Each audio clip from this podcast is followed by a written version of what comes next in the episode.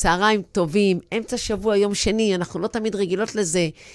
אה, מיכל יערון, עוד פודקאסט, אה, אה, צילום, שידור שלנו, של פיין, של, של אנחנו מסמבדי תרפי co.il, האתר למטפלים ולאנשים שמחפשים עזרה אה, בעולמות הנפש, והיום אה, אנחנו רוצים קצת לדבר על דבר שאני לא יודעת איך אתם מרגישים את זה. אני יכולה להגיד, בתור מי שמלווה שנים מתבגרים על כל הכיוונים שלהם, שאני חייבת פעם אחת להבין מה הסיפור שלהם ומה מה עובר עליהם ולמה כל אה, אה, חלון ראווה הופך להיות ראי פוטנציאלי להסתכל על איך שהם נראים. ובשביל זה, אה, אני משוחחת היום עם, עם אחת הנשים האהובות עליי בעולם, אל תגלו, שקוראים לה אה, מירי מטלון היקרה. אהלן. אהלן מירי, אז קודם כל תגידי למאזינים שלנו אה, מי את ומה את, ואחרי זה אנחנו נמשיך מכאן ואילך. אז שמי מירי מטלון, ואני פסיכותרפיסטית, ואני מטפלת בהורות, ומתמחה במתבגרים, והורים למתבגרים. ואימא למלא מתבגרים כל דקה.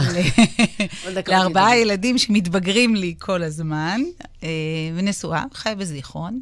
ואני חלק uh, מקהילת סמבדי, גאה להיות חלק מהמטפלות. מקהילת אה, סמבדי. מירי, אני, אני, אני אמרתי את זה בצחוק, אבל באמת, uh, אני מרגישה שכל ראי, כל חלון, כל מקום שאפשר לסדר את השיער, הוא המקום שבו המתבגר שלי ואחרים עומדים. השבוע איזה אמא אמרה לי, הוא כל היום מסדר את השיער. יש לו OCD? אמרתי לה, לא, הוא בן 15 לא, והוא מתבגר. בדיוק. בואי, תתחילי, תגידי לנו מה זה הדבר הזה בשם אלוהים. אה, קודם כל, המתבגר חי עם שאלות פנימיות. זה לא נראה ביום-יום. נכון, זה נראה שהוא בכלל נמצא בחוץ, אבל השאלות, הוא מחפש את התשובות מהבחוץ לשאלות הפנימיות שחיות בו. זה גיל שבו הם מתעוררים ומתחילים לשאול מי אני, מה אני אוהב, מה החברים שלי, יש צודק או לא צודק בעולם, איך הדברים מתנהלים. אבא שלי חכם, אמא שלי חכמה, הם מבינים, ההורים של החברים טובים יותר, החברים שלי טובים יותר ממני, וכל מה שקורה בעולם הוא ביחס אליהם. כן, זה נראה קצת אגואיסטי, הם מאוד לא עסוקים בעצמם. זה מאוד אגואיסטי במובן, אבל לא של... אה, שאני עסוק רק בעצמי כי אני לא סופר את האחרים, אלא במובן שאני עסוק גם בעצמי כי אין לי אנרגיה להסתכל על האחרים כרגע. נכון, כי אני כל כולי עסוק בלמצוא מי אני. זה בדיוק הגיל הזה. כן. זה גיל נוראי. תחשבי שאם אנחנו נחשוב את זה עלינו, כאנשים מבוגרים... אני כבר עכשיו שאין לי עניין לדעת מי אני. אבל אם לרגע אחד נשקיע ונשאל את עצמנו, נכון, בגילאי 40 פתאום אנשים שואלים את עצמם, רגע, רגע, רגע, מי אני? מה רציתי מהחיים? הצלחתי או לא הצלחתי? או כל מיני שאלות מהות כאלה, הן מכניסות אותנו לאיזשהו הלך רוח שקצת מתאים להלך רוח של המתבגר. קצת דארקנס, או הפינס בהיי. אנחנו נדבר על דארקנס, בעיקר בחדרים שלהם, אבל אנחנו רוצות לדבר היום יותר באמת על, על מתבגרים ועל דימוי עצמי, אז אולי קודם כל נגיד מה זה דימוי עצמי. Mm. דימוי הוא היחס שאני נותן לדבר שהוא נמצא מולי, ולפעמים הוא יחס שמביא השראה. נניח, נשתמש, נגיד בספרות, אז מדברים על דימויים, נכון? כדי שאנחנו כן. נבין אה, את המשמעות שמישהו אומר, יפה כמו פרח. אז הפרח ייצג כמה היא יפה. לקחתי את זה אישית עכשיו, אוקיי. והעצמי, זה מיהו העצמי שאני. עכשיו, אנחנו בתוך עולם הטיפול יודעים שיש יותר מעצמי אחד, כן? יש את העצמי הילד שנמצא בבית, שהוא הבן של, אבל יש את העצמי שלו כשהוא עם החברים שלו, אז זה עצמי אחר. לפעמים בא לי נורא להיות, שהוא יהיה מולי, העצמי עם החברים שלו, הוא כל כך הרבה יותר כיפי. נכון? לפעמים הרבה יותר חמוד. כן. מה זה? מתים עליו. איך זה יכול להיות? הם לא חייבים אותו, והם רוצים... איך הוא מוציא מעצמו? לא, כי כאילו הקטע הוא... עצמי כזה. הקטע הוא שאני, אני אומרת את זה בצחוק וגם בהרבה אהבה, אבל אני חייבת. הם בוחרים. אני, יש רגעים שלא בא לי לבחור, כאילו, אני בוחרת כי אני מבינה, אבל לא בא לי לבחור בדבר הזה, שכל מה שרוצה זה להגיד הפוך ממני. והם בוחרים בו בתשוקה עשרות, צובעים על דלת ביתי ועל הת... נכון. מה זה? זה עצמי אחר? כן. יש להם כל מיני עצמיים. גם לנו יש עצמיים שונים. רק יותר קוהרנטי, כבר יותר מכוער. נכון, קצת יותר... האני שלי יותר דומה נכון, ברוב המקומות. נכון. אוקיי. אני הרבה יותר בשלום, עם הרבה יותר חלקים, ו... ואנחנו יודעים לנוע בין המצבים האלה. המתבגר, הרבה יותר קשה לו לזוז ממצב למצב, ולפעמים הוא מתבלבל. נגיד, אה, מתבגר שיושב עם החברים והשפה החברית היא קצת קללות. קצת? מתבגר, מתבגרת, כן? מין שפות כאלה של אה, ירידות אחד על השני, כי זו התקשורת שלהם. הוא יכול להביא אותה הביתה ולהוציא את העצמי הזה מול אחים, מול הורים, אבל ככה הוא מתקשר פתאום. הוא למד סוג של תקשורת, סליחה, סוג של תקשורת, ואז הוא מוציא אותה. והדבר הזה ישפיע על הדימוי שלו.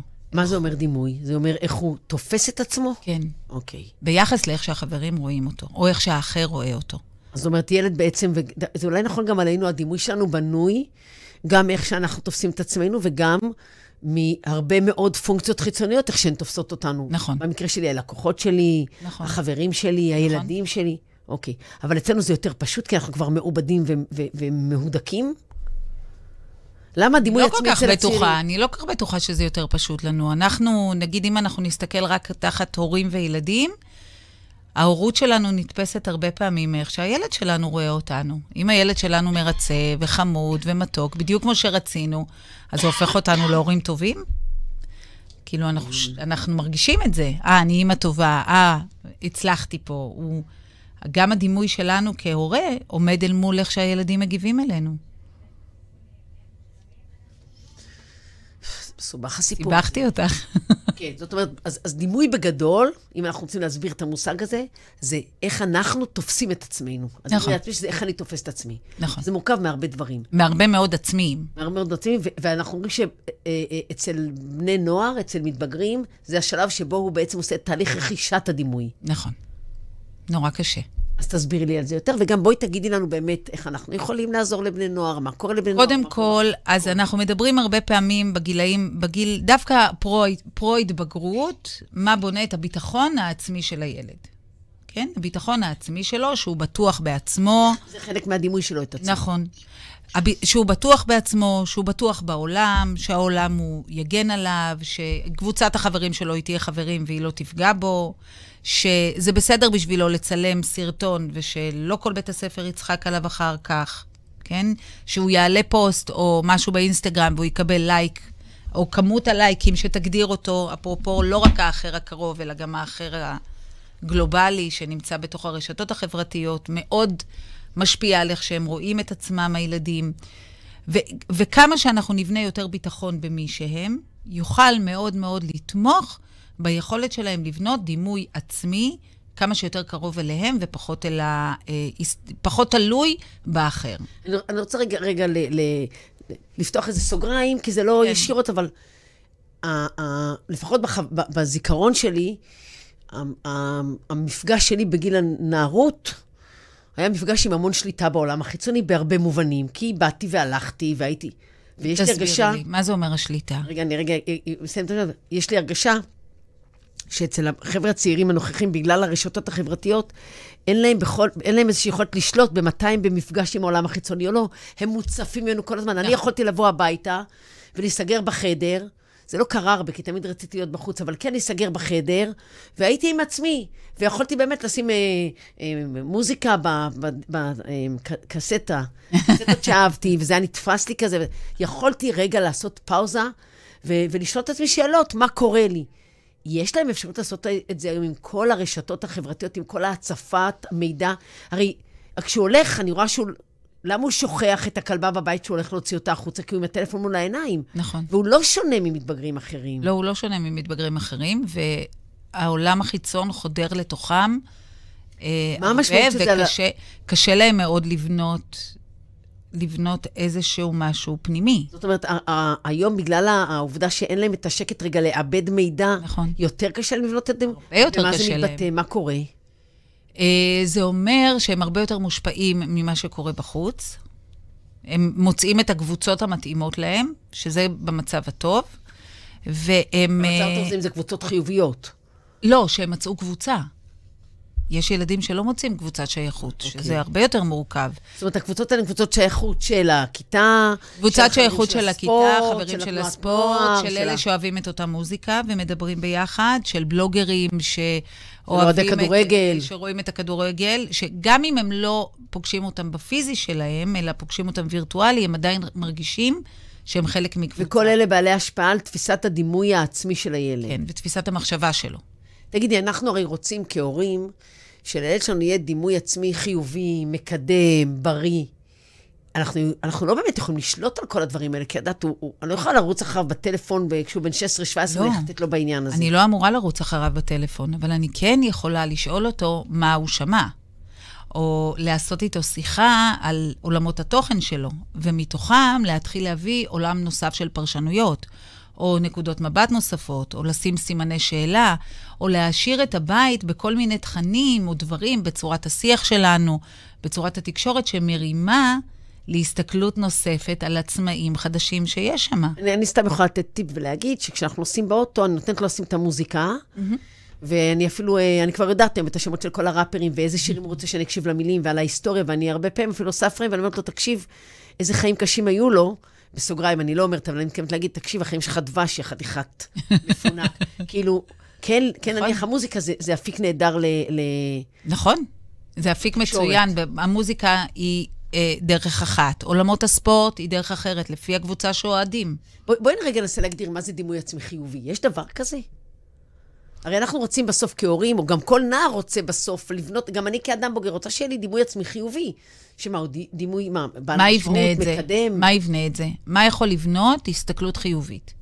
לא הסתכלות חיובית על העולם, הסתכלות, על עצמי. הסתכלות חיובית על עצמי. אז מה זה אומר? להיות קומפיטנטית, להיות בעלת יכולת, קומפיטנטית. שיש לי יכולת לה, לעשות דברים, נכון? שאני, יש לי מטרות בעולם. שאני סומכת על עצמי, שיש ש- לי משמעות. שאני אוכל לעשות את זה, שאני משמעותי, שהדעה שלי נחשבת. אני חושבת שאחד הדברים שחשוב לעזור בדימוי עצמי לאדם זה שהוא טוב לב. לדעתי זה, זה משהו שהוא נורא נורא חזק אחרי זה בדימוי שלך את עצמך. אדם שיש לו, הוא בנתינה והוא בטור. שיש לו רוחב לב. לב. כן, זה אדם ש... שהוא רואה את האחר. כן, אני חושבת שזה משהו נורא חשוב לדימוי עצמי חיובי. אז מפה את מגיעה בעצם להסתכלות של אמפתיה. אם אנחנו נפתח אמפתיה בתוך הבית, גם כהורים אל הילדים שלנו, והילדים יוכלו ללמוד לפתח אמפתיה, אז מתוך המקום הזה הם ילמדו לראות את האחר, הם יבינו את עצמם, כי כדי להיות אמפתיה אני חייב לפגוש אותי, לפגוש אותי ביחס אל האחר, להבין דברים, וכשהדבר הזה מתפתח, אני יכול להביא לחיוביות בדימוי עצמי בריא. כמודל, שאני הסתכלות. כהורה כמודל. כן. אני רוצה, אני רוצה רגע לק- לקחת אותנו ל, ל, למקום, אה, אה, אני רוצה לנצל אותך כאן ואת הידע האינסופי שיש לך. אנשים לא יודעים כמה פעמים בשבוע אני מתקשרת אליך, מירי, הצילו. אוקיי. אני רוצה אה, לקחת את זה לשני תחומים. אחד, באמת- העיסוק שלהם בגוף, והעניין, כמה זה קשור לדימוי העצמי שלהם. מאוד קשור. ומשם, לעניין קצת של המיניות בגיל הזה. בטח. בעיקר בדור הליברלי הזה, שהם הם כאילו, היכולת שלהם לדבר על אה, את, אתה, אחר, רבים, הוא כל כך על קל. הנטייה המינית, את על מתכוונת. האוריינטציה המינית. כן, אבל אני רוצה קודם, כן. לפני האוריינטציה המינית, לא, לאו דווקא האוריינטציה, אם יש להם העדפה לבנים או לבנות, אלא, אלא בכלל כל העניין של ההתעסקות. המפגש שלהם עם, עם מין. אז מה זה קודם בעצם? כל, מה זה עניין המפגש שלהם עם הגוף שלהם? קודם כל, מה. קורה בגוף הזה? עד גיל מסוים הוא היה נראה איקס. מגיל מסוים הכל מתחיל להשתנות. כל יום הם יכולים להתעורר אחרת. וכל דבר אומר עליהם משהו. כן, ה- החדשקונים האלה זה לא עסק כל כך נעים, אה? זה ממש לא עוזר לדימוי עצמי נעים ללכת עם זה, נכון? כי... יש לי חתונה, ודווקא עכשיו יצא לי חדשקון, זה משפט שאני שומעת, כאילו. למשל. אבל אנחנו, החתונה זה עוד משהו קטן. יש לי מבחן ומהלחץ יצא לי חדשקון. ואיך אני ניגש בכלל לבחינה, כי כולם יראו, שיש לי חדשקון. כולם יראו את החדשקון שזה ניחא, אבל כולם יראו את הלחץ. הם יראו או שלא באמת. דרך אגב, הם לא יראו כי הם עסוקים בעצמם. הם לא יודעים את זה, זה בדיוק העניין. אפקט הם לא. יודעים שהאחר רואה, רואה רק את עצמו. כן, אני השבוע נסעתי אה, ברכבת, וראיתי ילד, ילד, נער, נער, אני חושבת שהוא בן, היה בן 14, נוסע למשחק כדורגל. והוא יושב, והצעיף עליו, והוא כולו מרוגש, והוא יושב לבד. ואני רואה אותו בלי נייד, שזה מאוד עניין אותי, כי הוא לא לקח את הנייד להעביר את השעמום, אבל מסתכל ככה על כל האנשים, וכולם עסוקים בתוך עצמם ובניידים שלהם. ואני בראש אומרת, בטח הוא חושב שכולם מסתכלים עליו. עליו. והוא לא מבין שאף שרק אחד את לא רואה אותו. הסתכלת עליו. אני הסתכלתי עליו. ושלושת המתבגרים האחרים מאוד שברכבת, מעניין. אולי הסתכלו עליו, אבל הם לא ראו אותו, הם ראו את עצמם. הם ראו את עצמם. והוא היה באומץ לב, מתבונן ככה ובודק אם הוא יכול לרדת מהתחנה או לא, וראיתי את הלחץ שלו, אבל זה היה מאוד מעניין לראות את זה, כי אני זוכרת אותי, בטוחה שכולם מסתכלים עליי. אני אני- בטוחה עד היום. לא, אבל זה לא קשור, אני מבינה מה את אומרת. לא, אני אגיד לך גם יותר מזה, אני יצאתי מהבית עם שיער מטולטל, רטוב, אה, מלא בקרמים כמתבגרת, לא היה לי שלום עם השיער שלי, ואז הייתי הולכת ורואה אותי בזגוגית של החלון של המכוניות, ורואה אותו נפוח וכזה, ובאותו רגע יוצאת בגאווה, ורואה את השיער נפוח, וזוכרת איך הגוף היה יורד, והולכת ככה, מורידה את הראש, שלא יסתכלו עליי, כי... של... להיעלם. באותו רגע להיעלם.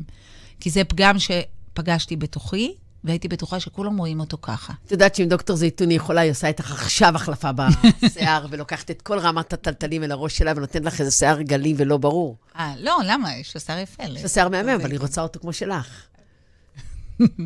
כאילו מדהים, אה? העניין הזה, כן. העיסוק. אז מה, זה חלק מהעיסוק בגוף שלהם, זה חלק מהעיסוק בלבנות את האני הפנימי? נכון. גם מי אני ביחס לאחר. עכשיו, ההתעסקות בדימוי הגוף שלנו, פוגשת אותנו בגיל ההתבגרות, ולצערי, לעולם לא עוזבת אותנו. אז בואי נדבר קצת על מה, מה היא פוגשת אותנו בגיל ההתבגרות, כי יש פה את כל העניין של התפתחות המיניות. אז בגיל ההתבגרות קורים. דברים בפיזי של הגוף שלנו. אוקיי. Okay. באמת יש התפתחות הורמונלית של חלקי הרבייה המיניים שנכנסים לפעולה. אוקיי. Okay. כן? כל מה שלא היה יכול להיות בפעולה אה, עד גיל ההתבגרות, מקבל תוקף מיני. כן? לגברים יש זקפה, הם יכולים להגיע לכדי שפיכה. בגיל ההתבגרות, הם לא יכולים לעשות את זה לפני זה, ואותו דבר גם זאת בנות. אומרת, מקלחת של עשר דקות הפכה ל-40 דקות, הילד בריא בנפשו. הילד בריא מאוד בנפשו, ניירות טואלט מפוזרים בכל מיני מקומות. עד שמלמדים אותם, מסתיים. עד שמלמדים מה עושים עם ניירות הטואלט, תקין.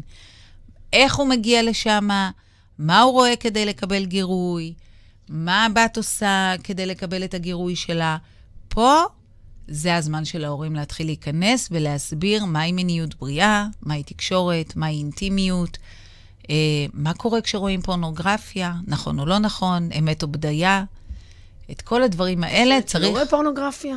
נראה לי שהוא לא יכול לברוח מזה אם הוא היה רוצה. אני, ש, שאלה טובה, מהי פורנוגרפיה? את יודעת, אצלנו שהיינו ילדים... לא רק להיכנס לחוברות, אצלנו היו חוברות. חוברות, וכן, כמה היה, אבל היום אתה בכל אתר, היום לא רק בכל אתר. אני מסתכלת לפעמים באתרים של ספורט שהם uh, פיראטיים, מיד זה מציף. נכון.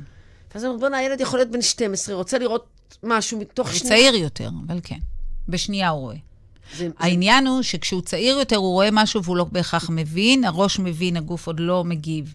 אבל כשהוא מגיע לגיל 12-13, ומשהו קופץ לו ויש תגובה גופנית למה שקפץ פה, הוא נפגש עם בעלה. איך זה משפיע על הדימוי העצמי שלו? כל העניין של ההתפתחות הגופנית והמינית שלו? קודם כל, אם הוא צופה בפורנוגרפיה או כל דבר אחר, גם דימוי הגוף של אה, דוגמנות או אה, מודלים יש קצת אה, הבדל, בואי נדבר קצת על ההבדל בין בנים ובנות. אני לא, אני לא חושבת שיש הבדל כזה גדול. אני אגיד את האמת. למה אין הבדל? המודלים של נשים הם מודלים אנורקטיים, אה, המודלים של נשים הם אנורקטיים ומעוותים, וגם המודלים של... והם חתיכים, ואם אני לא... ואם אני לא חתיך ושרירי.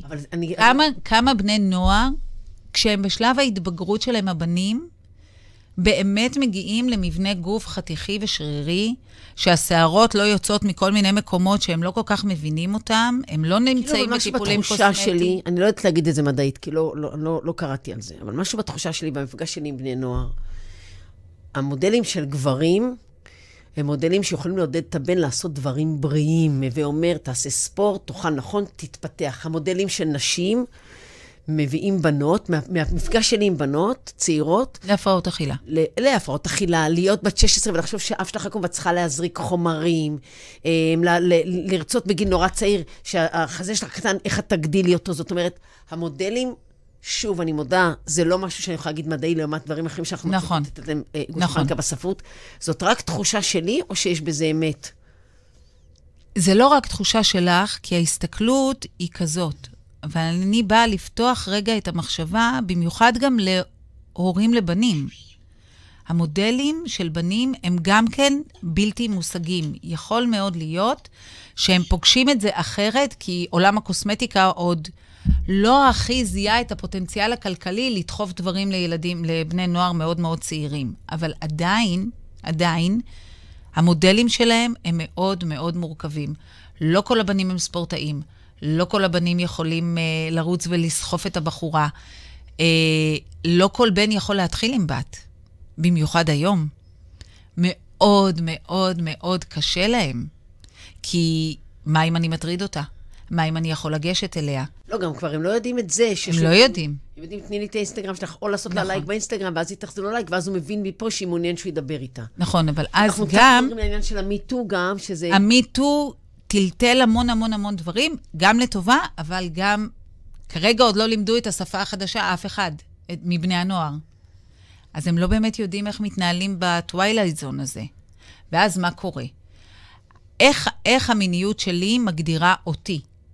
האם אפשר להשתמש במיניות שלנו כדי להגדיר את העצמי שלי?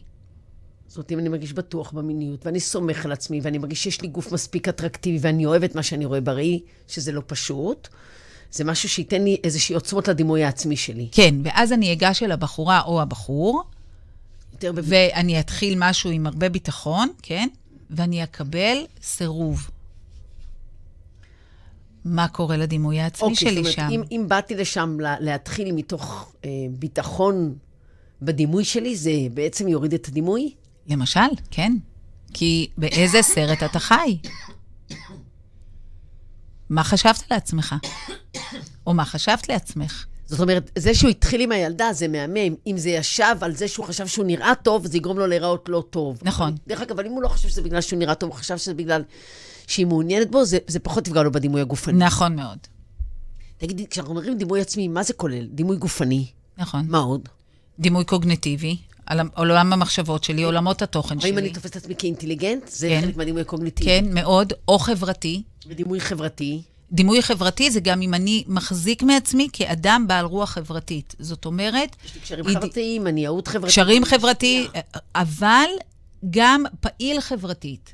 זאת אומרת, אם אני נמצא בתנועת נוער, אם אני יוצא בשביל האחר, אם אני מתנדב, אם אני צמחוני, טבעוני, אה, למען, כן, מתוך ערכים. כן.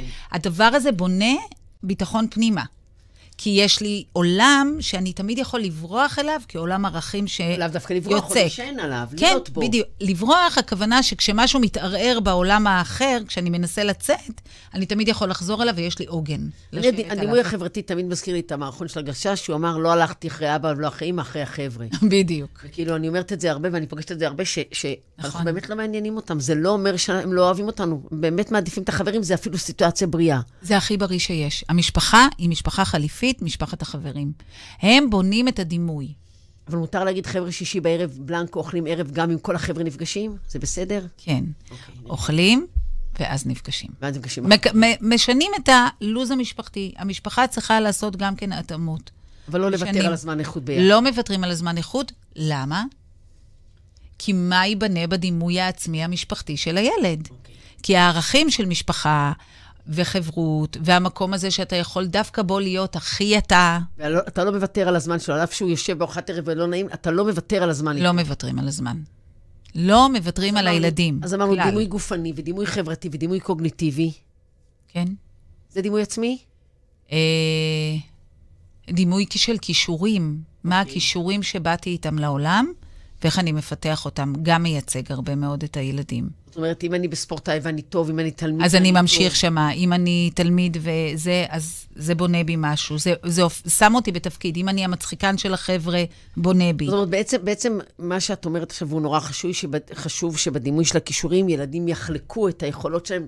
אני אומרת עם העולם. מי שבא, לא, עם, עם כמה מקומות, אני בתור מי שבאה ומלווה ספורטאים, אני תמיד אומרת להם, אתה לא רק ג'ודאי או כדורסלן או שחיינית. מה עוד? תהיו חברים, תהיו ילדים של, תמצאו עוד תחביבים. נכון. כי עולם הספורט בולע אותם, כל הדימוי שלהם הוא רק הביצוע הספורטיבי שלהם, ובעצם...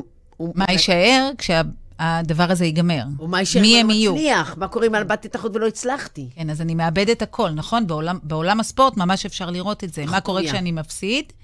אז אני, אז האני שלי הפסיד. לא שווה. העצמי שלי נגמר, אני לא יכול לעשות שום דבר. והתחושה הזאת, היא כמו שהבאת אותה מעולם הספורט, קיימת מול מבחן. קיימת מול... התקשרתי לחבר, והוא אמר לי, לא, אחי, אני לא יכול להיפגש עכשיו. מה זה אומר? אני שאומרת, בואנה, הוא לא אוהב אותי, אני אפס. והוא כן. לא אומר, בואנה, חבר שלי עסוק. נכון. אין את ה... לפעמים אין להם את המחשבה הזאת. פה נכנסים ההורים. הוא נורא מת- מתג, שחור או לבן. גם אצל בנות. במיוחד אצל בנות. שכשאנחנו גדולות, אנחנו קצת הופכות להיות יותר אה, אה, ורסטיליות, יותר דימר. חלקנו. חלקנו שיושב בצד הזה של השולחן, ולא חלקנו שיושב עם על הראש. אבל אני, אני, אני הרבה פעמים אומרת את ההבחנה הזאת בין תפיסת המתג אצל הגבר, כאילו, כן, לא. הבין, נכון, לא הבין. נכון. אה, מרגיש לא, כאילו קיים, לא קיים, ניצח, הפסיד, לבין משהו, תפיסה יותר, אני אומרת ורסטילית, יותר כמו דימר, יותר נמשכת. נכון. בין- אצל נשים, איזה יכולת, משהו יותר תהליכי. נכון, שיכול להסתכל הזה- רגע, אבל בגיל הזה הם כולם ככה. סופרים לייקים. כן, הרבה לייקים אני שווה, מעט לייקים לא אוהבים אותי. לא ראו אותי, לא שומעים אותי, אף אחד לא ראה. שלחתי הודעה, אה, כמה זמן לוקח שעונים לי. את יודעת שזה לקח, זה קרה לי פעם עם איזה נערה שהגיעה אליי לפגישה, והיא ספורטאית. נכנסה לחדר, ואני מאוד אוהבת אותה, והיא ישבה כזאת, היא כולה...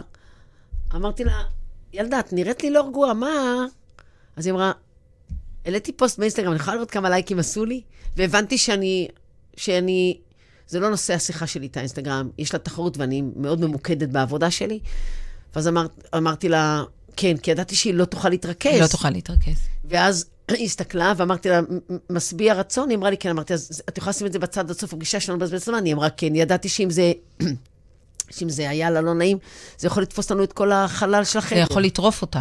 לגמרי. ועכשיו זה טורף אותה בפגישה כזאת, אבל זה גם יכול לטרוף אותה לפני מבחן, וזה גם יכול לטרוף אותה בבית, שאימא ביקשה לעשות משהו, והיא בכלל חושבת על הפוסט הזה שהיא העלתה, והיא לא הקשיבה לה, והיא לא עשתה, ואז האימא מגיעה אליה ואומרת לה, שוב את לא עושה את מה שאומרים לך. כמה פעמים סליחה, סליחה, סליחה, אנחנו ממך?" צודקות כאימהות, נמאס וכאלה. מזה נכון, לא- אבל באותו רגע, לא רק שהבחוץ לא רואה אותה ומתייחס אליה כי היא לא קיבלה מספיק לייקים, גם הבית פנימה אומר לה שהיא לא שווה.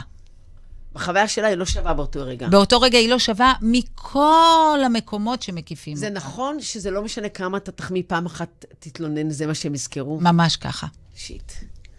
וזה נכון, אני אשאל אותך עלינו כעולם אפשר בגיל 13 המבוגרים. לשלוח אותם ולקבל אותם בגיל 20. כמה אנחנו מצליחים להגיד על הילדים שלנו, באמת, כשפוגשים הורים, את פוגשת גם הורים, כמה את, את שומעת, וואו, איזה ילדים מדהימים וחמודים וכאלה, או כמה את שומעת, אוף, היה לי קשה, היה לי זה, היה לי זה, היה לי זה, מעט מאוד מרימים לך פעולה ביום. את שואלת מה היה טוב ביום?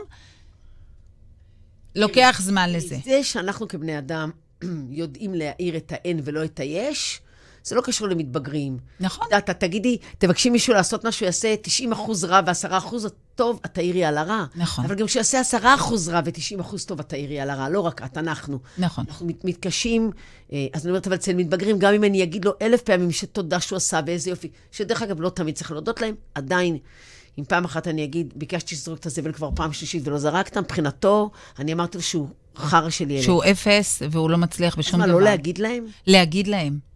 אבל לזכור בדיוק את העיקרון שאמרת עכשיו. שזה שהוא נטרף שלנו, וזה שלו. שאנחנו הבוגרים נופלים שמה, ועלינו להחזיק את זה יותר חזק, להאיר להם את הרגעים הטובים כדי לעזור להם לבנות דימוי עצמי בריא. זאת אומרת, זה הלקוחות שלנו. נראה לי סיטואשן, לא חשוב מה נעשה, אנחנו דופקים את הילדים שלנו, סליחה על הבוטות. אחד, אנחנו דופקים אותם, אבל השאלה היא מה כמות הדפיקה. אם זו דפיקה עמוקה או שריטה קלה. זה הכל. את- הדפיקה תהיה. זה נורא מייאש, כאילו, זה, חלק מהעניין, כי בלי הדפיקה לא נגדל. היא, היא פה כדי לעזור לנו. זה, זה חדר לא אותנו הכושר. כהורים, אלא לעזור להם. לגדל. את הנשמה שלהם. זה משקולת. כשאת מרימה משקולות, אז, אז את עושה מאמץ. צריך להתאמץ לצאת מהדפיקה, להתאמץ ל- להירפא, להתאמץ לרפא את השריטה שקיבלנו. זה מבקש מאיתנו משהו, זה מגדל בנו משהו נוסף חדש. אני רוצה עכשיו לנצל אותך פה, ובצורה עקיפה לקבל טיפ לחיי עם מתבגר. אמ, כמה, ה- אני לא יודעת מאיפה להתחיל את זה, אבל יש פער נורא גדול בין העיסוק שלו בעצמו, כמה הוא עסוק בלראות טוב, לבין השימת פס שלו על כל החלל החיצוני. נכון. הוא לא רלוונטי, הוא לא רואה אותו בכלל. צריך להבין את זה. בעיניים שלהם אין נעליים על הרצפה. לא יכול להיות שעוזר... אין אחרי שנייה בגדים. אין, זה לא רלוונטי. כי מה שהיה חשוב פה זה לאכול. כי היה רעב באותו רגע. זהו. זה אני ומלבדי. זה אני לטובת עצמי, אני בעדי. זאת אומרת, התלבשתי, יצאתי מהחדר לבוש טוב, זה שכל הארון על הרצפה והחדר שלך מסריח, זה בסדר. נכון. להתערב בזה? לא, בכלל לא. לא, לקנות בגדים אפילו שהוא מזלזל בהם וזורק על הרצפה ונמאס לי לקנות? לא. טוב, תודה רבה. זהו, I rest my case, אני מסודרת, אני לא. למה לא? למה לא לקנות בגדים אחרי שקנית, והוא מזלזל ומשאיר, והבגד לא, נראה כי כמו חשוב- כי סמרטוט? חשוב לי שהוא ילמד להעריך דברים. וגם שחשוב, שילמד לח- להבין שמה חשוב לי. לי חשוב שאחרי שעוזר בית היה, כן, מצ... אני שמחה שאכלת. לא יכול להיות שכל המטבח פירורים וה- וה- והגז עם ביצה והכיור עם כלים. נכון, יצא. אז את מלמדת אותו. זאת אומרת, יש התנהגויות שאנחנו לא נתיר אותן, אבל יש. לא להיעלב מהם, ולזכור שהוא עשה לא את זה לא מהם, הוא עשה את זה בעדו. בדיוק, ועל איך שאנחנו נגיד את זה, הוא קריטי לבניית הדימוי העצמי. זאת אומרת, לא להגיד לו, אוף, כל פעם אתה משאיר מלוכלך, להגיד לו, ילד, אני סומכת עליך שאתה יכול לנקות. נכון, אני שמחה שסבלת, וכמה פעמים. אתה משאיר מלוכלך.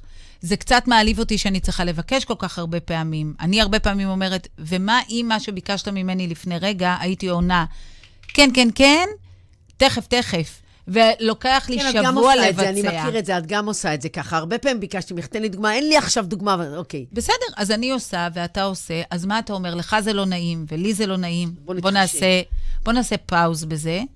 לקחת אחריות על החלקים שלנו, מלמד אותם לקחת אחריות על החלקים שלהם. לא, אבל אני אימא בלי טעויות. אנחנו כולנו בלי טעויות, הורים בלי טעויות, בטח. אנחנו לא אנושיים בכלל, בעליל. בכלל. בואי נדבר קצת על יחסי מין בגיל הזה. מה נכון, מתי מתחיל, איך, עם חבר, מה- הלחץ החברתי. אה, הם מתחיל- מתחילים מאוחר יותר מאשר לפני כן. משהו קרה שם. נכון, מה? בואי נדבר. על משהו זה. קרה שמה. באיזה גיל אנחנו צריכים אה, להרגיש את זה בשלום? האם יש הבדל בין בנים ובנות? האם אמור להיות הבדל? בתור... אה, אני באמת חושבת ש... את אומרת את זה, את אומרת, יש לי בן בכור ובנות צעירות, שיט, מה אני אומרת? לא, לא, לא. אני, אנחנו עדיין מחנכים אני באמת. חושבת שיש... אה, שיש ילדים שמקדימים את ההתפתחות שלהם. עכשיו, אני לא מדברת... הגופנית. הגופנית וגם הקוגניטיבית. שאצלהם הרצון לסיפוק מיידי קיים בבינג שלהם. אז גם כשמתעוררת בהם האנרגיה המינית והם זקוקים לסיפוק והם מוצאים את הפרטנר להיות מסופקים איתו, לפעמים צריך ללמד השעיה. לדבר את זה בבית. עכשיו, אין עניין עם זה שנעשה יחסי המין, והם יחסי מין בהסכמה, ויחד עם בני זוג מתאימים, והם באותו גיל, ויש שם התאהבות של גיל התבגרות, אהבה ראשונה, והכל נראה וואו. את אבל יש לך חיוך שאומר, יואו, הייתי שם, בינדר דן. כי יש בדבר הזה קסם, שאת זה לא היינו רוצים לקחת. לא היינו רוצים לקחת את הקסם של ההתאהבות בת השלושה ימים, ארבעה ימים של היים כאלה, כי אחר כך הם ישוחזרו לנו במערכות יחסים אחרים. שזה אבל- טוב לנו. שזה מצוין לנו, אבל כשזה מתחיל לחכות מערכות יחסים של בוגרים, ואני אדבר על טרנדים, כן? אוקיי, מה זאת אומרת? אה, יש לבני זוג בני 15, בני 15, 15, 14, 16, 15, 15, 15 כן, וזה, גילים של 14-17, כן? לא? אה, לצאת ללילה בבית מלון. מה? אכן כן, זה עוד לא פגשתי. כן. ואחרי שכבר עושים לילה בבית מלון, מילא לצאת חיילים, ל... את יודעת, אז חיילים, אפשר, נכון? זה נבלע. אז, 18, 19. אז גם בגילאים האלה יוצאים ללילה לבית מלון, לילה בצימר. איך הם מגיעים? ההורים? לא, לפעמים הם עובדים. ולפעמים הורים מתירים ומממנים. ולפעמים זה אפילו נסיעה לחו"ל. אז בואי נבין למה, ביחד. בואי נבין למה לילה סתם עכשיו- בגיל 16 בצימר זה לא טוב. בואי ננסה להבין. מפני שזה מקדים משהו בבשלות של ההבנה מהי זוגיות, מה צריך לקרות שמה. יש משהו בדבר הטרי הזה, הבוסרי, שצריך לתת לו את המקום להיות בוסר, כדי שבגיל בוגר יותר הוא יוכל להיות בשל. ואם מגיעים לבשלות מהר, אז את יודעת, זה כמו הפירות כמה- האלה שנותנים להם אה, הרבה הורמונים, נכון. ובסוף הם לא טעימים. בדיוק ככה. זה היה דימוי? כן, ככה התחלנו את השיחה, בדימויים. נכון. אוקיי. זה בדיוק העניין במה קורה בהתעוררות, לא ההתעוררות המינית המוקדמת היא המטרידה, אלא מה עושים עם זה, או מה עולם הערכים ששמים שמה. וחינוך למיניות לא קורה בגילי התבגרות, הוא קורה כל הזמן. כל הזמן. את יודעת, ההורים שלנו לא דיברו איתנו כי נורא התביישו מזה, לא דיברו אז על מיניות. נכון. והדור היום יודע יותר מאיתנו. הוא יודע מין, אבל הוא לא יודע בהכרח את הגבולות. ההורים שלנו לא דיברו איתנו מיניות, אבל הם דיברו איתנו שפה של גבולות הרבה יותר ברורה. אנחנו ידענו את גבולות הגוף שלנו. אנחנו ידענו, לא, הייתה תקופה גם אחרת, כן? אבל אפרופו מיטו, שנכנסה ככה לא, כי בדלת היום האחרת. אבל עולם הגבול היה ברור, והוא שמר עלינו. הוא שמר עלינו. וזה היום לא קורה. זה פרוץ. אני יכולה לשמוע סיטואציות שבנות בגיל צעיר מתארחות אצל בנים, וההורים מאפשרים לזה לקרות, נכון. בלי להבין את המשמעות של זה. נכון. וזה מקום שנניח צריך לשים בו גבול. למשל. לשני הצדדים להגיד. נכון. אתם בגיל צעיר מדי בשביל לישון ביחד. לשים לא גבול, להימנע מקשר, לא, אני לא מדברת על זו, על ילדים שהם חברים, ובעצם כבר תקופה, ואני כן, בדיוק. חוסר גבולות טוטאלי. חוסר גבולות טוטאלי. על מסיבות ואלכוהול בלי סוף. מסיבות- 15, 16, 17. עכשיו, דימוי גוף נמוך, או דימוי גוף שהוא לא שלם עם עצמו, אה, בן או בת, סטטיסטית. סטטיסטית, יש להם נטייה גבוהה יותר לאלכוהול. הם ילכו למטשטשי תודעה כדי לבנות מתוך זה את הדימוי זה שלהם. מדהים שקראת לזה מטשטשי תודעה, כי זה בעצם המטרה. נכון. זה בדיוק מה שהם עושים. הם מוציאים את הדעת, אין אותי יותר, אבל יש את הייצוג שהייתי נורא רוצה שזה מה שאני אהיה. המשוחרר, הקולי. המשור... בדיוק. ואז אני יכול להתקרב, לייצר אינטימיות, שמה הרבה יותר זה קל. פסאודו-אינטימיות, זה בדיוק העניין. מתחיל המגע הגופני, כשהיא בת 15-16 ולא באמת בחרה בזה, ולא, או שהוא לא באמת... הוא לא בחר בזה. כן? את מסכימה איתי שכהורים מאוד קשה להגיד לא, אבל מאוד צריך להסביר את המשמעות? כי אני יכולה להגיד לו, תשמע, אתה לא שותה מחוץ לבית, מה אתה יכול לדעת? אומר, אני שותה, וילך לישון אצל חבר. כן. אני שמחה שאני לא נתקלת בשקר הזה, כי השיח אצלי בבית הוא... הרבה יותר פתוח ומאפשר. אני אני, לא ש- יודעת כמה הוא מאפשר, אני אבל... מאמינה, אה, שאני, אני מאמינה, עוד פעם, אני לא יכולה להעיד שאני הבן אדם היחיד שצודק, אבל שהשיח הוא מאוד מאוד פתוח. אני מאפשרת מגיל יותר צעיר, זאת אומרת, גם לשתות בבית, במינון. אני מאז ומעולם אסרתי על להשתכר בחוץ, או הסברתי את המשמעויות, ואמרתי, תשתכר אצל חבר בבית. כאילו, אני מאוד, אני לא אוסרת מה שאני לא יכולה... את יודעת, בגבולות של הורים מלמדים מאז ומתמיד, גם מאמנים, אני מלמדת, שים גבול על משהו שאתה יכול לאכוף. נכון. אני יכולה לאכוף את מה שקורה מחוץ לבית, אני יכולה מאוד להסביר בבירור. חלק מהדברים אנחנו כן יכולים לאכוף את מה שקורה מחוץ לבית, כי, ופה אני אכניס כאן איזשהו מושג, כי בתוך המושג של העצמי שלנו ואיך שאנחנו תופסים אותנו, יש גם הפנמה פנימית למי ההורים שלנו. והם מדברים איתנו גם כשהם אינם איתנו. והקול שלי צריך להישמע באוזני הילד שלי גם כשהוא מחוץ לבית. נכון, והכל צריך, בעיני- בעיניי, הקול האוסר צריך להיות מלווה ב, גם באיזשהו הסבר. הסבר או הבנה של מה, אבל הכל גם צריך להיות ברור לתוצאות. אפרופו החדר עם הבלגן, חדר עם בגדים זרוקים, זו בחירת הילד לזרוק את הבגדים על הרצפה. מותר לו, זה בחדר שלו. לגמרי. אבל גם מותר לי לשים על זה סנקציה. זאת אומרת, כשאתה מזלזל ברכוש, התוצאה של זה, שלא יהיה לך. אני לא משתתפת במשחק הזה. תראה לי שאתה שומר על הציוד שלך, והציוד שלך טוב, מתאים, אני קונה לך עוד חולצה. אני אשמח. כן. אצלי זה לא מתאים, אצלי זה אני ממש אשמח. אבל כן? אני... אבל כל עוד, אז הילד לומד לקחת אחריות על החיים שלא, שלו. שהוא לא צריך, אני מסתדר לבד. זה גם, לבד. זו בחירה מקובלת לחלוטין, כי ניתנה האפשרות לבחור. יש אזורים שבהם אנחנו נעשה את זה, ויש אזורים שבהם הילדים צריכים לדעת שזה ביג נו. ילדה בת 12 לא תצא למסיבה ותשתה. לא לעלות על אופניים חשמליות, לא לעלות על קורקינטים, להבין שאני... או לא... לעלות עם אמצעי מיגון מתאימים. אני יותר קשה בזה, אבל אני אומרת, אוקיי, אבל כן. כאילו, כן, גם על אופניים רגילים עם קסדה, גם אם כל הילדים רוכבים בלי. היום כבר ילדים לא עולים כל כך על אופניים בגלל החלק של האופניים החשמליות, אבל... נכון. אבל קסדה זאת אומרת, בסוף מחייבת. חלק מהדימוי העצמי של הילד יושב גם על זה שהוא הפנים את דמות ההורים, אפרופו לחיוב ולשלילה. בדיוק. אז תקשיבי, איזה אנחנו לא תפקיד יש לנו, יא אללה. זה כאילו קטע, כי את יודעת, אני מוצאת את עצמי לפעמים אומרת, בשביל מה עשיתי את זה? והתשובה היא מאוד ברורה, אבל אני עדיין שואלת את עצמי בשביל מה עשיתי את זה, כי ה... ה... בעיקר האחריות והחרדה והדאגה האינסופית וה... אנחנו מגדלים בני אדם בעולם. מי יהיו בני האדם האלה, זה באחריותנו, וגם באחריותם. אני לא אה, אה, אומרת שהם לא הגיעו עם, הם הגיעו עם אופי מסוים, עם טמפרמנטים, וואי, וואי. עם הרצונות שלהם ועם הפוטנציאל שלהם להיות בני אדם פה, בעלי מסוגלות ויכולת ודימוי עצמי בריא, כדי שהם יעשו כאן משהו. הם לא בא- באו לעולם סתם, נכון? גם אנחנו לא.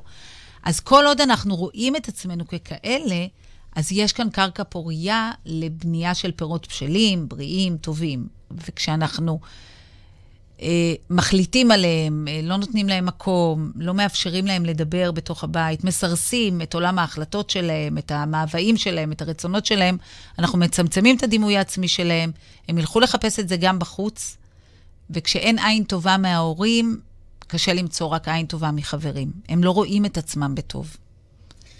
תקשיבי, אנחנו מדברות כבר הרבה מאוד זמן, ואנחנו צריכות להתחיל להתכנס. אז... אוי. זה רץ לנו זמן. לא נורא, אנחנו לא משלימות שמתי עכשיו, לב בכלל. משלימות עכשיו בבית קפה. נכון. אז בואי, בואי באמת ככה לאיסוף, גם תגדירי לנו עוד פעם ככה מה זה קצת הדימוי, וגם קצת תני לנו כמה טיפים. כהורים, כ- כחברים, כ... כ... לא יודעת. קצת. דימוי עצמי זה לא איך... של- של אף אחד לא שיש לנו שאלות. אה, לא, שהם לא רוצים עוד שאלות. יש שאלות? אני כבר בודקת תוך כדי. אז דימוי עצמי זה הדרך שבה אני אה, רואה את עצמי מהפנים אל החוץ, והחוץ רואה אותי. אוקיי? וזה מגדיר את מי שאני, את העצמי שלי. מתבגרים, זה גיל הבנייה של הדימוי העצמי שלהם. אז עכשיו אני דוחפת רגע שאלה שנש- מהר. ששלחו. מהר מהר. אמ, הרבה פעמים בקלאשים מהמתבגרים אומרים, יודעת מה? יאללה, אני הולך. לא אכפת לי, ואני הולך, ואני... או שיכול להיות אל- אלים, להגיד, כן, מה, ו... ו... מה אנחנו, איפה המקום שלנו במ- במקום הזה של... של אה, מתבגר אלים? השאלה היא, מתבגר- המתבגר כן, כן, אני אלים? אומרת, השאלה היא, אה, איך לא מאוימים מהתגובה של המתבגר? הרי הוא יכול לקום וללכת והוא יכול להיות אלים. אלימות אצל ההורה לא מתקבלת. מול האלימות או התנהגות אלימה צריכה לבוא תגובה, לא אלימה, כי אלימות אנחנו לא נפתור באלימות, אבל צריכה להיות איזושהי תגובה שהיא סנקציה שמראה שהיא לא מתירה שיח כזה.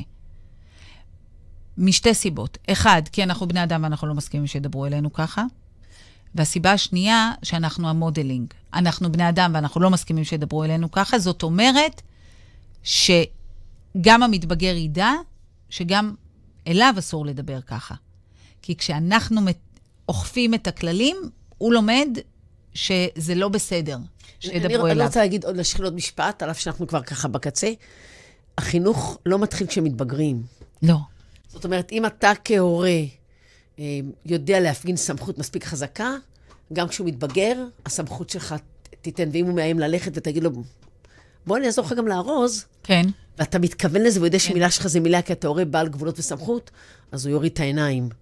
אבל אם הוא יכול לאיים עליך ואתה אומר לו, טוב, טוב, טוב, רק אל תלך מה אתה רוצה, אז אתה בעצם נורא מזיק לו, נכון. כי אתה פוגע לו ביכולת שלו לבנות את הדימוי העצמי שלו כדימוי חיובי. כי הדימוי העצמי שלו, הוא יהפוך להיות דימוי כוחני. אני אשיג את הדברים שאני רוצה מהעולם בכוח, ואת זה אז אנחנו בונים.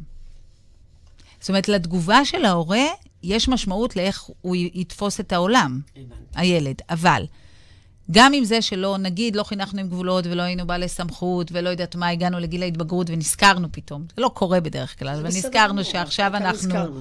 הורים, אה, או צריכים לעשות כאן את התפקיד, או הילד שלנו כרגע התהפך, והגיל ההורמונלי שינה לנו אותו, ומילד מלאך הוא הפך להיות משהו אחר, ונבהלנו, ואנחנו לא יודעים מה עושים עם זה. רק אצלי קרה, אוקיי? לא, פחות.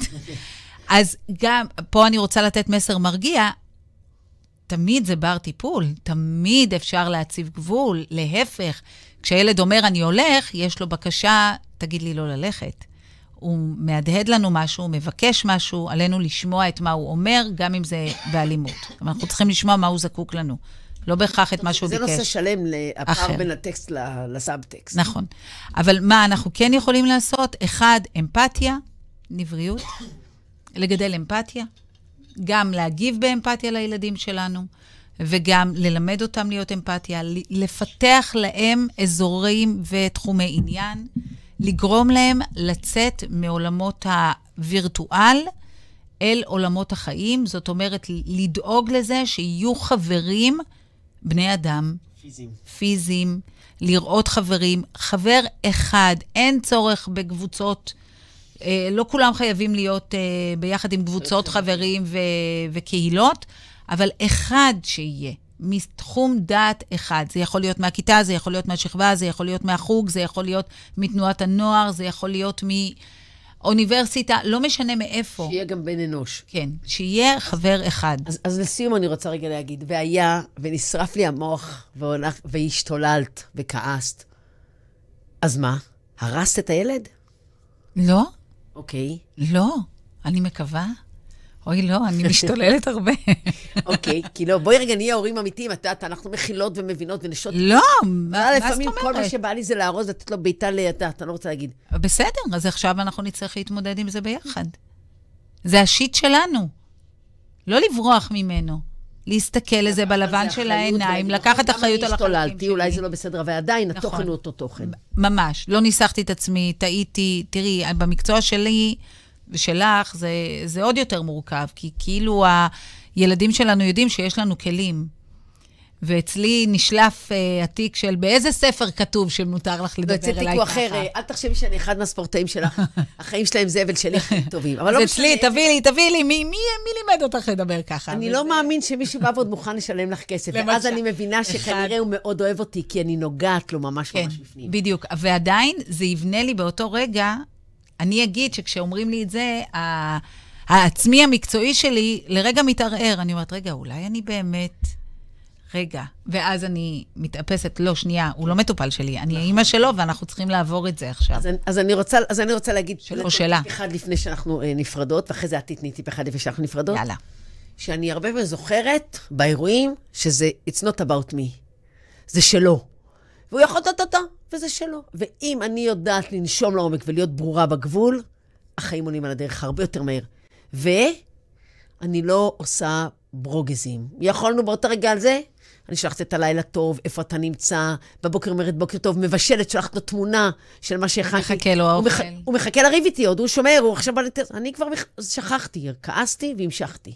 בדיוק. אז זה טיפ שאני עושה מהמם. טוב. אז תני לנו. טיפ לפני שאנחנו נפרדות. הטיפ שלי זה לזכור שכשהם בסערה, והם בסערה המאוד גדולה שלהם, זה בערך דומה למה שאת הבאת, אני רואה ואני אומרת לעצמי, וואו, כמה זה קשה להיות שם עכשיו.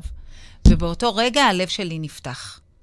אני מבינה שהילד שלי או הילדה שלי זקוקים עכשיו למשהו שזה לא רק ההתנגחות הזאת. שזה לא רק אמרתי, תעשו מה שאני אומרת, אלא יש כאן מצוקה אמיתית, ועכשיו הם, הם זקוקים לי ממקום אחר. הם צריכים שאני אקח יד ואני אעזור להם לצאת משם. זאת אומרת, תזכרו שהרבה פעמים ככל שהוא משתולל יותר, ככה הוא רוצה יותר חיבוק. כן, הוא זקוק. קצת פסיכולוגיסטי, אבל כזה. מה לעשות? בכל מירי זאת. מטלון האחת והיחידה. תודה אלוהים, רבה, מיכל אהובה. ממש. יום אחר. אנחנו נעשה את זה עוד, נגנוב את זה מדי פעם ככה. עוז נותן לנו, ושוב, אנחנו מסיימים אה, מפגש עם אישה נדירה, מירי מטלון, שהיא. שהיא המנטורית האישית שלי, אה, פה ברדיו החברתי הראשון, עם סמבדי תרפי, מהתוכנית של פיין סמבדי. ואם אתם אנשי טיפול ורוצים להצטרף לקהילה הנהדרת כדאי, כדאי, כדאי, כדאי. לעשות טוב בעולם, כן. אתם מוזמנים. ואם אתם אנשים שמחפשים טיפול בעולם הנפש, אתם גם מוזמנים. וזהו, צהריים טובים לכולם, צהריים טובים. וניפגש אוטוטו.